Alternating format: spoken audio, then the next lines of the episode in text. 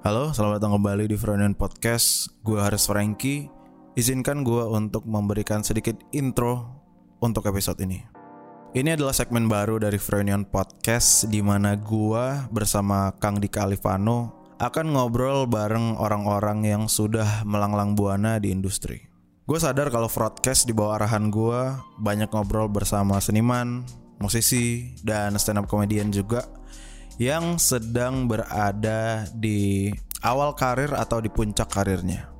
Untuk kembali ke Roots Freudian Podcast yang berlandaskan self development, gue rasa perlu untuk mengcover semua bidang. Nah, dengan adanya Kang Dika sebagai co-host di segmen ini akan ngasih perspektif yang baru dari sudut pandang entrepreneurship. Episode pertama ini kami ngobrol bareng Mas Didi Mudita, CEO dari Impact Factory dengan pengalaman belasan tahun di dunia broadcasting dan corporate, Mas Didi punya beberapa advice untuk kita guna mengakselerasi karir kita. This is for Union Podcast. To support this podcast, please follow us on Spotify and TikTok at Union Podcast. Thank you. Terakhir, sorry ada kesalahan teknis di audionya Kang Dika dan ini pure kesalahan gua Mudah-mudahan tidak mengganggu experience kalian selama mendengarkan podcast ini. Mohon maaf. Terima kasih dan selamat mendengarkan. Reunion Podcast.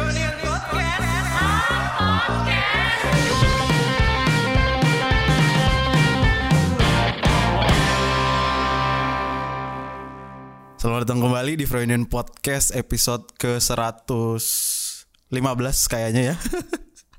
di sini gua sudah bersama dua orang keren. Yang pertama adalah Andika Alifano. Halo. Yang biasa gue sebut Kakang ini dia adalah sebagai co-host. Ini adalah segmen baru kita. Nanti gua sama Kakang akan ngobrol-ngobrol bersama pelaku-pelaku dari industri kreatif yang akan menyebarkan lebih banyak value dan insights untuk pendengar broadcast yang lebih mudah. Betul, termasuk juga pelaku-pelaku kreatif di industri yang lain. Monggo kita kenalin dulu. Ini siapa sih yang datang di sini? Eh, di depan saya sudah ada Kang Didi Mudita. Halo, kumaha damang? Aduh, gue orang Batak lagi. Abis semuanya pakai kang di dirinya gitu.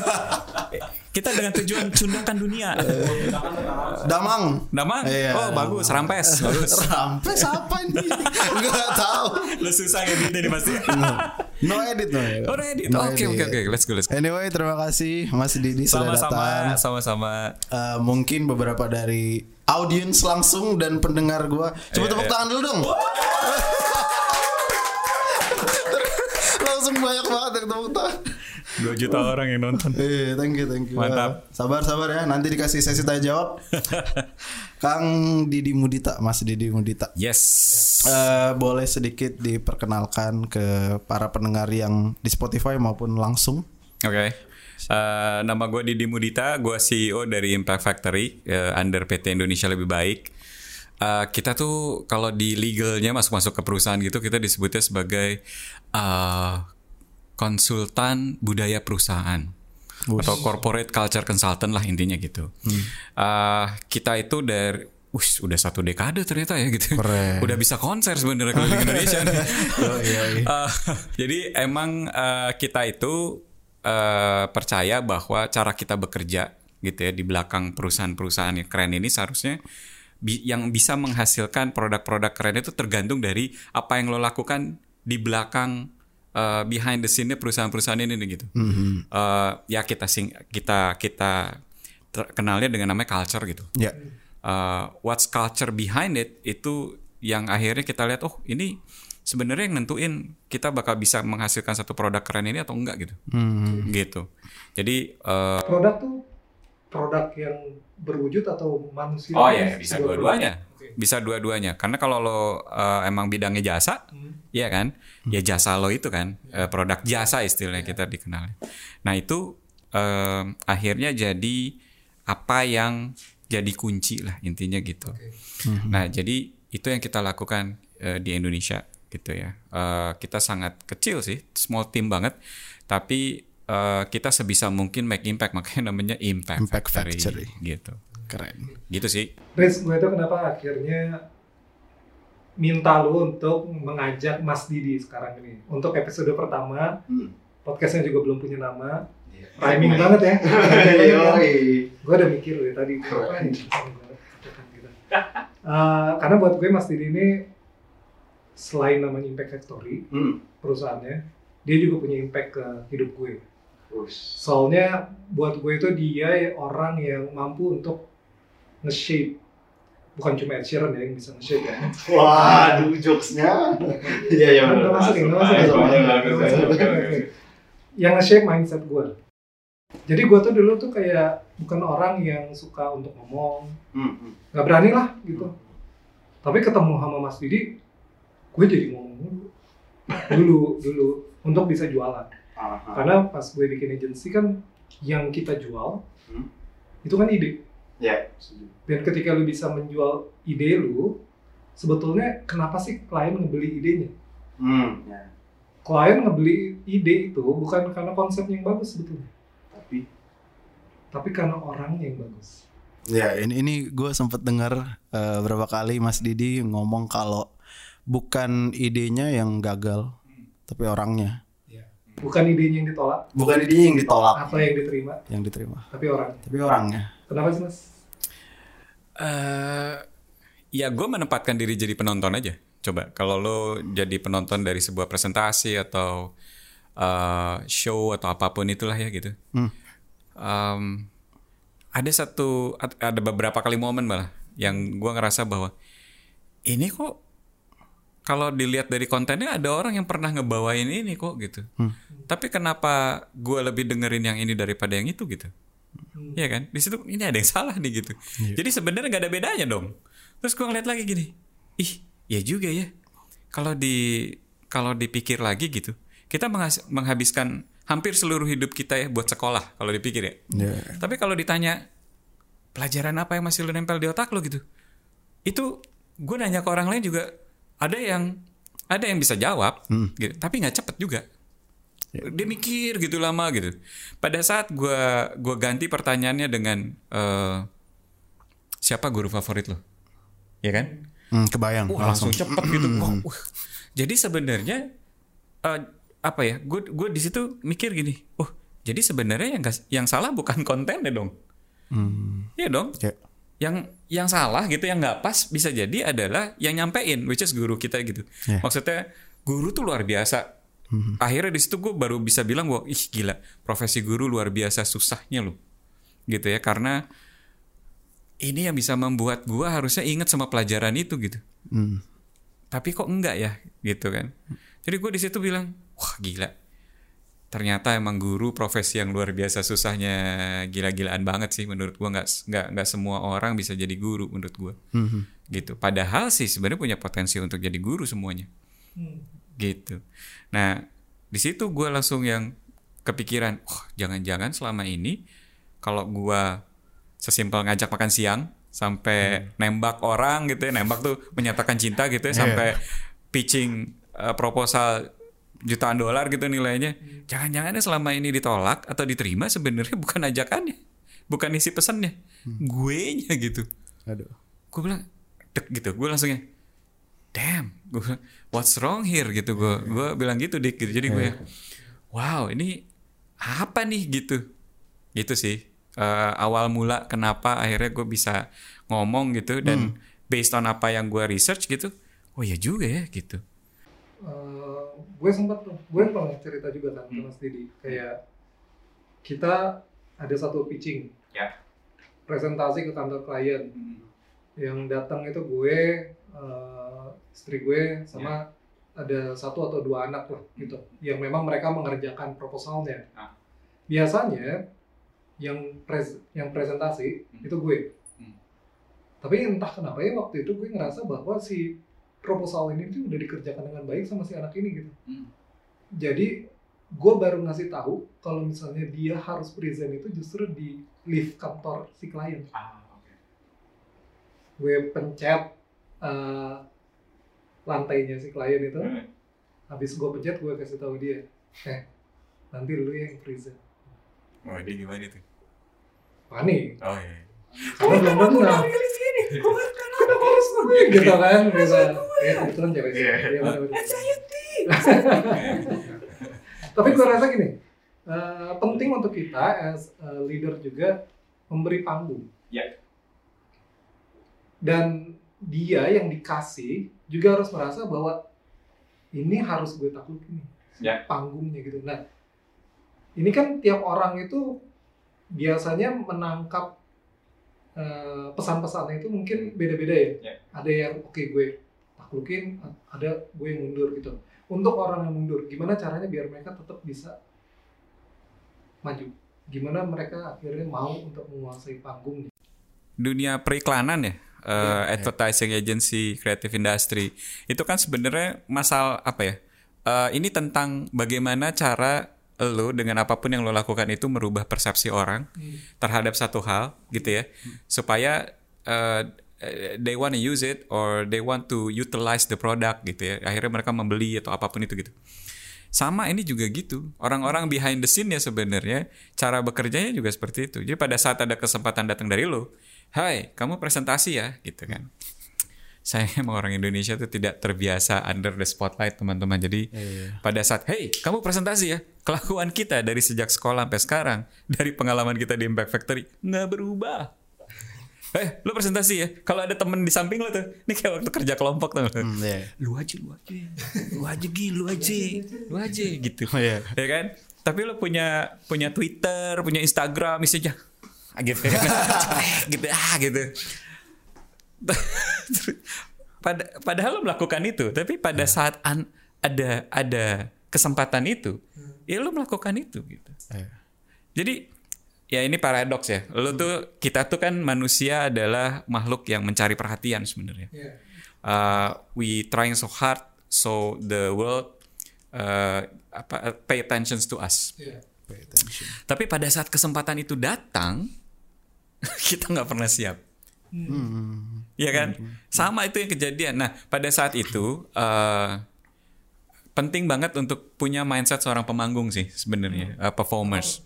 Jadi gini, bukan bukan mindset sebagai karyawan, bukan mindset sebagai eh apa ya? eh, selain itulah, pokoknya gue memunculkan mindset sebagai seorang performers. Artinya gini, kita tuh kan nggak dibayar eh kita kan orang-orang bukan orang gajian ya. Kita tuh orang dibayar based on our manggung gitu.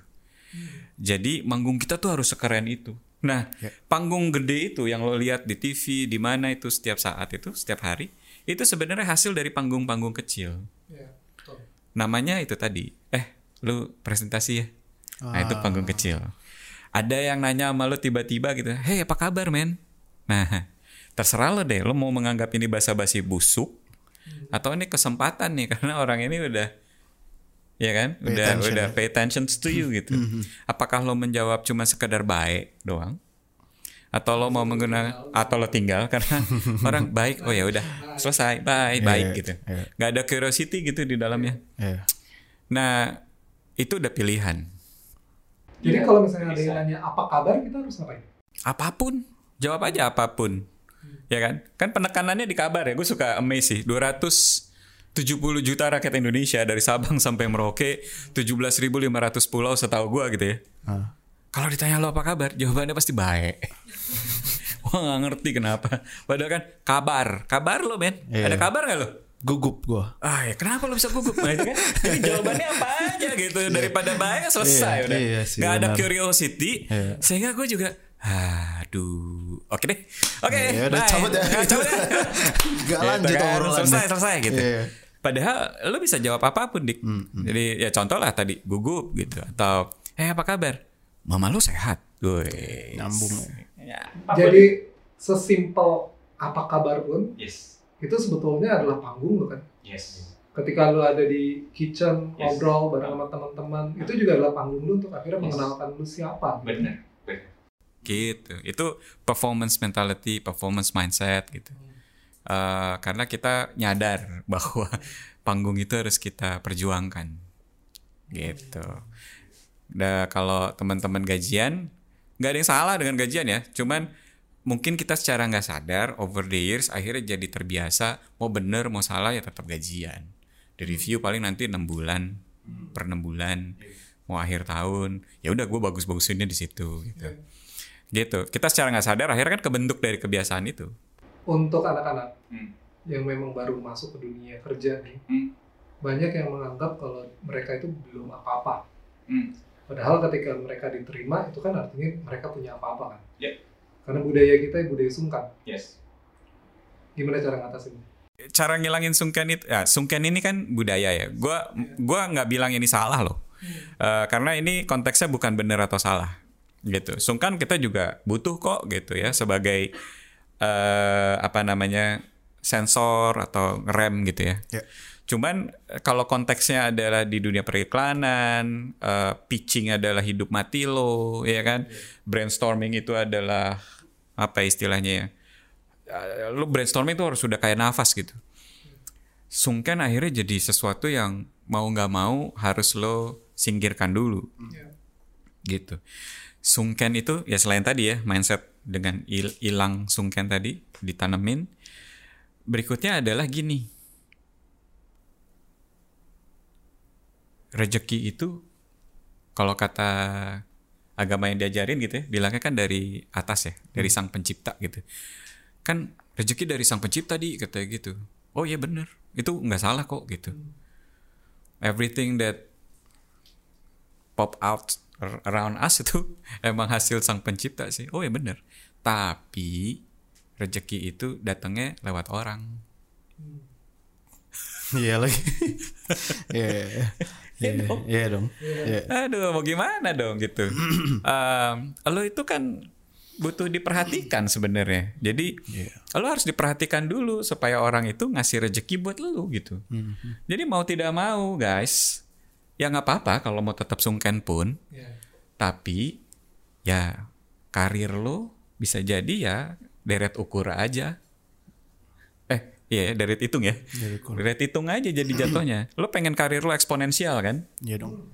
Paham ya? Paham. Mantap. Gue justru mau nanyanya lebih ke agak praktikal nih. Hmm.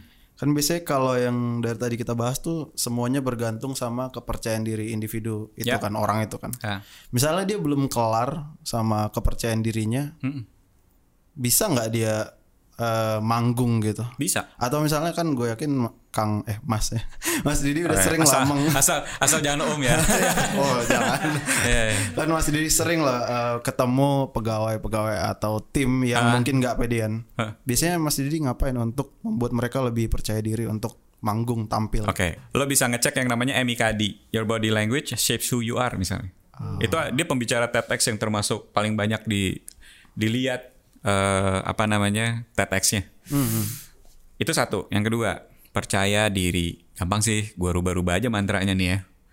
Artinya, lo percaya sama diri lo kan? Nggak percaya diri. Berarti lo nggak percaya sama diri lo kan? Heeh, tapi kenapa lo percaya sama mantan lo? Jadi lo percaya sama gebetan lo, lo percaya sama kakak lo, lo percaya sama bapak lo, lo percaya sama ibu lo. Kenapa? Oh iya lemas. Kenapa? Ya gue kenal. Berarti lo nggak kenal sama diri lo. Terutama pada saat under the spotlight. Gitu. Karena itu terjadi ngomong, wah gue nggak pede, nggak pede. Itu biasanya pada saat ada spotlight itu. Entah itu disuruh presentasi lah, entah lo disuruh, eh lo tembak dong tuh cewek gitu ya. Atau apa pun itu. Gitu ya. Iya kan? Itu nongol. Gitu. Nah, Tembak win. jadi kalau menurut gua kalau lo nanya, jadi mesti gimana Mas? Ya udah berarti lo coba deh cerita tentang diri lo aja. Nih, ada pertanyaan yang susah banget kok kita orang Indonesia untuk jawab. Who are you? Siapa lu? Anjir, kita tuh terbatas sama nama. Ya kan? tinggal di mana Tinggal di mana? kerjaannya apa kerjanya apa udah gitu ya jawabannya tuh nggak bikin kita penasaran untuk ngedalamin lebih lanjut gitu. Kayak misalnya ya gua apa kalau kita interview karyawan gitu misalnya yang mau yang mau masuk coba ceritain diri lu gitu. Oh saya nama saya ini anak keberapa dari berapa bersaudara. Penting ya. Penting tuh kayaknya buat Emang gue. Wajir padahal tuh udah nge-waste of my time loh. Iya. dua detik dalam hidup gue tuh wasted hanya untuk ya ya da- anak ketiga dari empat bersaudara gitu misalnya. Terus dia bilang eh apa bapak saya pegawai swasta. Pegawai swasta men. Gue pegawai swasta. Terus gue ngedalamin lagi dong pegawai swasta Ap- eh, kerja di mana?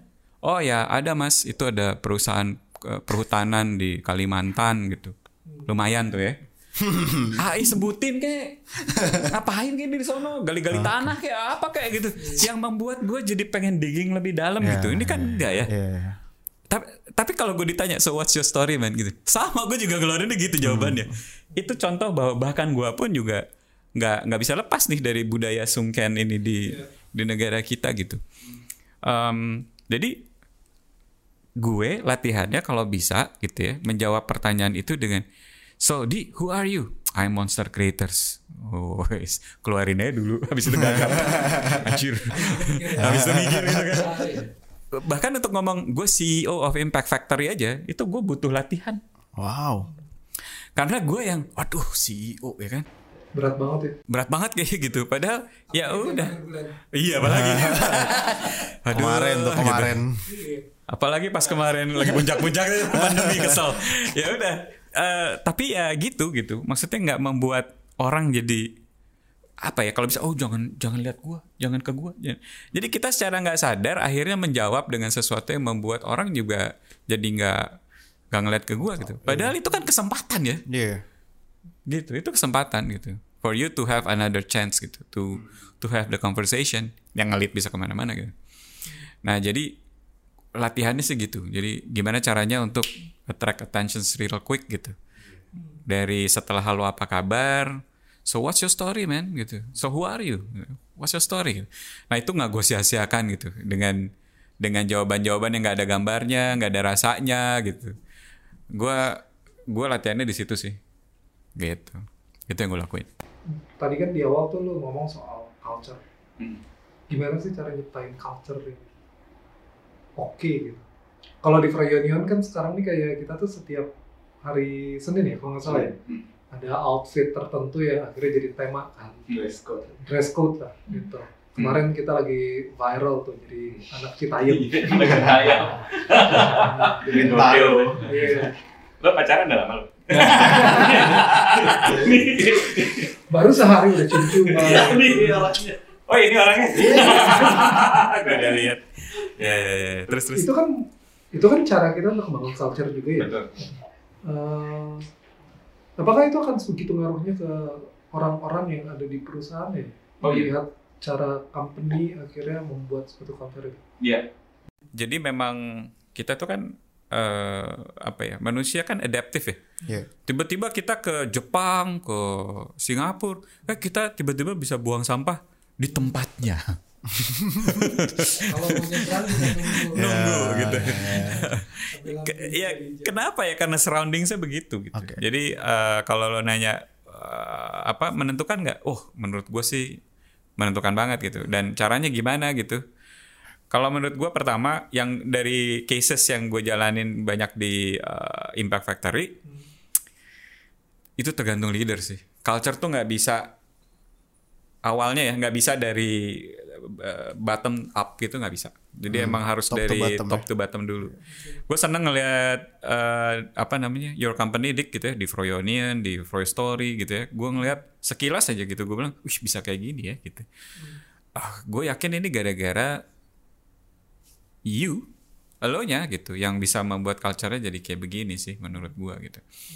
eh itu yang akhirnya membuat orang-orang jadi apakah eh, brainstormnya jadi asik, eh, nggak sungkan ngeluarin ide apa segala macam gitu-gitu ya. Em, cara kerja di belakangnya seperti apa itu benar-benar tergantung eh, the, the leaders gitu. Dia mau jadi leaders apa mau jadi bos? Beda tuh ya. Beda dong. Eh, bos ya gitu aja, ya kan. Yang penting nyuruh, yang penting Merentah-merentah. Merentah gitu. Kalau leaders itu, nah ini nih, leaders itu mengarahkan, Elit ya. ngelit lah. Gitu. Tuturi Handayani bener itu, gitu kan. Eh, bos nyuruh, leaders mengarahkan. Gue, kalau gue pernah tuh gue bikin video gini. eh gue akan nganggap lo leaders kalau lo bisa ngebawa gue berpetualang ke tempat-tempat yang gue nggak pernah em, Bayangkan. pergi sebelumnya. Nah, I will believe you as a leaders. Kenapa? Karena lu leaders. Lu, gue percaya lu bisa ngebawa gue ke tempat-tempat itu. Artinya, gue bisa eh gue percaya lo bisa ngebawa gue ke tempat-tempat yang menumbuhkan gue gitu Apa bekalnya mas untuk bisa jadi leaders? Karena ini di depan kita semua nih, yang sampingnya Mas Didi, kalau gue depan. Gue yakin mereka semua adalah calon-calon leaders. Oh you guys have Di vision company. leaders. You guys have leaders. Uh, pengalaman dari beberapa de- bukan beberapa sih ada company yang lain juga kan. Uh, ini tuh bisa dibilang jadi kayak angkatan-angkatan awalnya nih yang akan nge-shape our cultures ke depannya gitu. dan mereka pasti akan jadi leaders juga. Yeah. bekalnya untuk mereka apa yang harus kita siapin. Banyak manggung. Banyak manggung orang tuh selalu mikir dan banyak gitu. rejection ya oh iya dong. Ya iya dong. Lo di reject on stage beh itu lebih sakit rasanya. Ah terpuruknya. Wow. Gitu. Dibanding lo cuma di reject ya biasa aja gitu ya. kan? Lo rasain deh lo kalau udah apa ya you put on your mind that every everywhere is a stage gitu. Ya. terus lo di reject beh itu sakitnya luar biasa tapi itu resep utama lo bisa escalate. Exponential. Gitu. Orang suka salah gitu. Wah nantilah gue kalau udah jadi leaders pasti gue akan banyak manggung. Salah lo. Lo akan jadi leaders yang keren kalau lo udah banyak manggung. Gitu. Nggak ngerti kenapa penonton kalau ngelihat orang di atas tuh jadi kayak oh ini pasti leaders gue nih. Jadi kalau si orang ini nyuruh gue tepuk tangan aja, gue pasti akan tepuk tangan kok. Makanya MC kan tepuk tangan terus kita tepuk tangan. Tepuk tangan dong. Tepuk tangan. ada yang nggak mau. Ada yang nggak mau. Ya itu contoh. Ya, ya, intinya gitu sih. Eh, kenapa? Karena buat buat gue eh, panggung itu adalah simulasi kehidupan yang menurut gue mendekati. Ya kan? Ya. Ya coba aja lo manggung. Ada nggak yang bener-bener 100% sesuai dengan apa yang lo pengen, sesuai skrip gitu? Padahal skripnya udah ada. Ya. Sampai lightingnya di menit keberapa, detik berapa udah ada. Ya. Sesuai nggak? Kagak, pasti ada aja. Gitu. Improv. Iya kan? Gitu. Nah itu tuh yang kejadian di hidup kan kayak gitu.